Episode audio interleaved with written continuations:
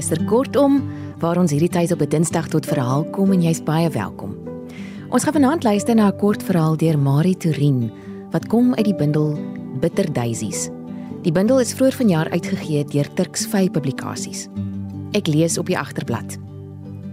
Bitter Daisies is nie net nog 'n kort verhaalbundel nie. Die verhale speel af in die Bokveld waar 'n kind soos 'n blou valk oor 'n waterval vlieg, by Kubus in die Rigtersveld waar halfmense so soldate teen die kliprand staan in 'n Kaapse blommemark op die Franse platteland en in Woolai by Ruby se kafee waar blou eksters so straatkatte skree. Met haar unieke skryfstyl vervleg die skrywer vernuftig die kom en gaan van karakters wat afsonderlik maar tog verweefd in die verhale hul verskyning maak. Fantasie en werklikheid raak dikwels verstrengel. Soos waar 'n kaalvoet bakker in 'n kweperboord bly. 'n Winkelier in 'n kruiwa op die stoep sit. 'n Bokboer met groot witbokke boer en 'n vrou met 'n geel slang by 'n soetwaterfontein dans terwyl 'n ander een 'n baba tussen possakke optel en grootmaak. Die titelverhaal Bitter Daisies is as die wenverhaal in die US Woordfees se 2020 kortverhaalbundel aanhou beweeg en geraas maak aangewys. En dis dan ook hierdie verhaal wat ek vanaand gaan lees. Bitter Daisies deur Marie Turin. There is no greater agony than bearing an untold story inside you. Maya Angelou. Ma baby danster is gister dood. Ma is van Kubu se karretjie mense van die tyd toe vensters klein was skaapvelle sag soos borste en van brood in 'n kleioond gebak. Die tyd van dans om 'n skermvuur en voetpad loop na Rachel se wasklip in die Doringrivier. Die dag na ma baby se dood is Kato danster vroegoggend op. Sy bak harde brood in haar knapsak, knop haar kind op haar rug en die witbok los van die vyeboom en roep die hond uit die skerm. Sy kyk nie om soos die halfmense toe sy wegloop van ma baby se werf nie. By die Kamiesberge maak sy staaning in 'n kolpiet snotte en kook lamsknatertjies. Toe trek sy verder, Subatsfontein en Rietpoort langs tot by Maskam wat soos 'n hoender in die knersvlakte hurk. Kato is so maar soos 'n seëning en so taai soos 'n ratel in 'n bynes. Sy steek 'n stuk veld aan die brand sodat die eintjies weer kan groei. Smiddag maak sy haar bene reguit op die winkelstoep. Sy gee haar lyf weg in die skoenlapper dans met David Perang. En saans knoop sy die maatjies deur toe teen spooke wat in die geel katstert staan. Kato dra haar babykind uit die woestyn met ou riviere teen die bergpas uit tot in Anna Strauss se plaas kom bys. Anna sien haar vroegoggend by die plaashek staan met haar blou rok rookpyp, 'n kind op haar rug en nêrens om te loop nie as vorentoe. Kato bou self vir haar 'n huis van latte en maatjiesriet in die rooi tulpe. Toe bou sy 'n skerm van soutbos om skoenlappers te dans en lammersterte in 'n swart pot te kook. Sy gooi 'n streepsak vir die hond in die skerm en knop die witbok aan 'n taaibos vas. Kato vat die kind met die gifbos oë en hare soos 'n wille voelnes by die possakke toe sy ma hom op die winkelstoep los. En dra hom in die noordewind op die ou trekpad tot by haar maatjie se huis. Sy roep hom Kabu en sy maak hom groot saam met haar kind Katrina. Die jare skuif aan en die kinders raak bekwam. Sonop loop Kato en Katrina met die bleshoenderneste langs na Jakob Strauss se werf. Bedags as Anna in die veld dwaal, werk hulle in die groot huis met die groen luike. Kato knie deeg so geel soos kuikens en Katrina dra die wasgoed na die wasklip toe. Kato sien hoe hou Jakob Strauss vir Katrina dop waar sy met blink bene by die wasklip sit. Katrina is op stroppeles. Klaai. Kato pluk 'n heel hoender dat die vere waai gooi grouwe eintjies by en stamp die pot op die stoof. Haar mond is 'n oester as hy met die panne in haar voorskoot na die bakoond toe loop. Smorens loop Kabu weg na die bakkrans op die plateau om sy rietfluit te speel. Kato is bang hy val oor die rand. Katrina se hare is 'n kraaines en sy dra haar rok binnekant buite. Sy bære 'n storie wat sy nie kan vertel nie. Sy het 'n rivier in haar lyf en riete in haar hare want sy het te na aan die skermvuur met Kabu gedans. Kabu is die kersbas wat eenkant op die plateau in die weste wind groei. Hy dra 'n gelapte broek en 'n volstruisveerhoed. Sy rooi hare is met 'n riem vasgebind. Smiddag staan hy soos 'n vraagteken by die groot huis se agterdeur. Jakob Strauss maak reg vir die trekpad. Hy is besig om die skape met die sweepveld toe te jag. Hy verdra nie brakke op sy werf nie. "Vir wat staan jy met jou bek vol tande soos 'n boerbok?" vra hy as hy vir Kabu sien. Jakob ry met 'n lang stiepeel en 'n kort toom. Hy spring oor die gordeldraad en breek skilpaaie en eysterklip met die perd se hoewe.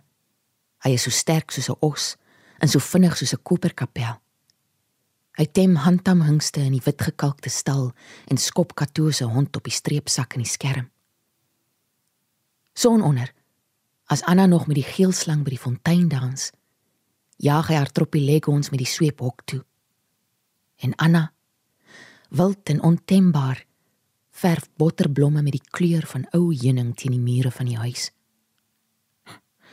Ek moet daar inbreek soos 'n merrie, sê Jakob vir Kato. Sy klap 'n hoender van die skerm af, maar sy bly stil vir pap in die swart pot en haar maatjie se huis tussen die tulpe. En hy jammerte vir Bella, Anna se kind. Sonop wat Kato haar knap sak om veldkos te gaan soek. Sy pluk suurvye en vroetangs vir valpotjie maak en grawe termiete en kambro uit die grond. Sy versamel kalmoes vir die maag en perepus vir die lyf. Ook hande vol van die rondeblaar boegoe vir toorgoed teen die waterslang. Saterdag smou sy kruie op die winkelstoep. Sy wil vir haar kinders 'n platdakhuis in die dorp koop. Sy bind haar ware in 'n bondel op haar kop, stop 'n paar skilpaaie in haar sak en loop met die gorra langs dorp toe. Haar mense sit en wag met sikspense vasgeknoop in sakdoeke. "Hoekom sit ons hier op streepsakke met kopdoeke en reguit bene?" vra Kato as sy haar rookpyp aansteek en blou dampe die lug inblaas. Son onder loop sy terug plaas toe in 'n dik bek wind wat oor die plateau rand waai. Die wind gooi die kraaie uit die bloekoms en flenter spookbos teen haar bene vas. Dis droog. Die reën bly weg. Die skape wy op niks. Stof slaan op die trekpad uit. Jakob Strauss bring die dorpers huiskamp toe, want die jakkals se plaas nags in die veld. Die skape blær en druk dors teen die draad. Anna staan soos 'n stingel by die droë fontein. Haar hare 'n kraaivlerk. Haar mond 'n rooi granaat. En voor haar dans die geel slang op sy stert in die bittergousblom. Toe die slang pik, slaan Jakob 'n langbeen merrie dood in die stal. Kato vat vir Bella en dra haar deur die rivier na die buurmense toe. Met volmaan wanneer Kabu sy fluit by die grot gaan speel, kruip Jakob soos 'n sleg esel uit sy huis om spore op Kato se werf te maak. Sy gaan sit buite in die skerm. Sy draai die rooi kat karos styf om haar lyf en gooi nog houtjies op die kole. Sy hoor die jakkalse in die veld en die uil wat uit die skuur agter die huis skree. Sy het droë hout vuur in haar hart en blou donder weer in haar mond. Maar Kato kan nie oral keer nie. Toe Jakob uit die strooi skruip, staan sy soos 'n spoegslang op, reg om te pik. "Jy is duiwelsklou!" skree sy agter hom aan. Dis warm. Dis 'n mooi dag. Alles blom. Die son skree op die werf en in die rande. Bosstert honne jag geskropsel tarantale deur die rivier donder weer rommel bo kan die klipkoppe en weerlig slaan ver op die trekpad uit. Katrina dra die wasmandjie op haar kop. Sy loop deur die melkbosse na die wasklip naby die waterval. Sy was sy klere met blou seep, sprei hulle op die bosse oop en gaan sit langbeen in die son. Toe sy opkyk, staan Jakob agter haar met sy karwats. "Hoe lyk jy vroegoggend so koeskop?" vra hy. Sy spring op en hardloop deur die rivier tot op die rand van die waterval. Sy staan met gebalde vuiste in die noordewind en haar nat rok klou aan haar bene. Haar voete voel so swaar so skilpaaie en sy ruik die gekneusde wille roosmaryn. Die wind is in haar mond en in haar hare. Dit ruk haar kappie teen 'n taaibos vas. Kato dra 'n baksel brode in haar voorskot na die bakoond toe sy Katrina daar sien staan. "Jou my voedie!" skree sy. "Ek vloek jou Jakob Strauss. Ek vloek jou en jou blerrie plaas." Toe gooi sy die panne neer en hardloop deur die melkbosse soos 'n broeisien. Katrina maak haar nek dik vir Jakob. "Ek sal nie weer op 'n skaapvel met jou dansie," skree sy. Ek dra nie weer my rok verkeerd om vir jou nie. Toe sprei sy haar arms oop soos vlerke en vlieg tot in die diep poel aan die voet van die waterval. Haar mond is vol slaim en haar hare vleg vas in die fluitjiesriet. Katoe klim in 'n willevy om vir haar kind te wag. Na 3 dae dryf Katrina in die poel met riete in haar hare en blou lig in haar mond. Kabu dra haar huis toe en Kato klim uit die willevy. Jakob se mond is 'n Turksvy toe hulle met lang tree oor die werf loop. Die helder note van 'n rietfluit weer klink oor die plato. Kabu vertel Katrina se storie vir die suidewind. Dan steek hy die veld aan die brand. Kato danster se basterkind staan in 'n ring van vuur op die bakkrans. Jy moet gaap staan, skree hy toe die treva so stontelbos brand en Jakob se stal in 'n vuurbal ontplof.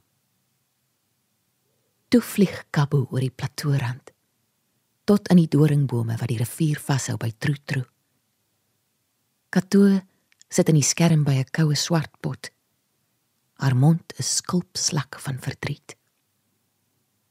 Toe die skuuruil roep, staan Katrina by haar. Ek het 'n rivier in my mond, sê sy. My hare is vletjies riet. Hoekom sit jy alleen sonder vuur en sonder jou rookpyp, ma? Hoekom dans jy nie skoenlapper nie? Kato steek 'n vuur aan en maak askoeke so rond soos klippe. Toe stamp hulle hulle voete in die plat reël. Dagbreek loop Katrina met dun bene weg oor die werf sonder omkyk. Sy draai die windpomp vas in die ooste wind en smyt die put se sinkplate in die hoenderhok. Sy loop terug tot in die rivier wat noord vloei na die donker poel toe. Maar baby verskyn skief uit die katsterte. Loop weg van hierdie plek met die rooi tulpe katto, sê sy. Loop terug na jou mense toe. Met son op pak Kato 'n paar goedjies in die ou knapsak. Sy trek haar blou rok en velskoene aan en sit haar rookpyp in haar sak.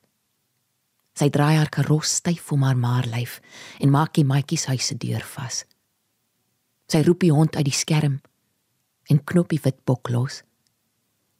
Sy loop oor die werf uit by die hek en vat die trekpad.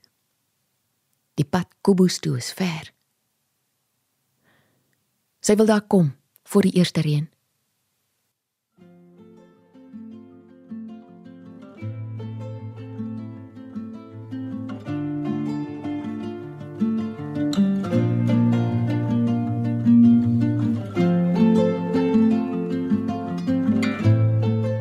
Dit was dan Bitter Daisies deur Marie Turin. 'n Mooi aand vir jou. Tot volgende keer. thank you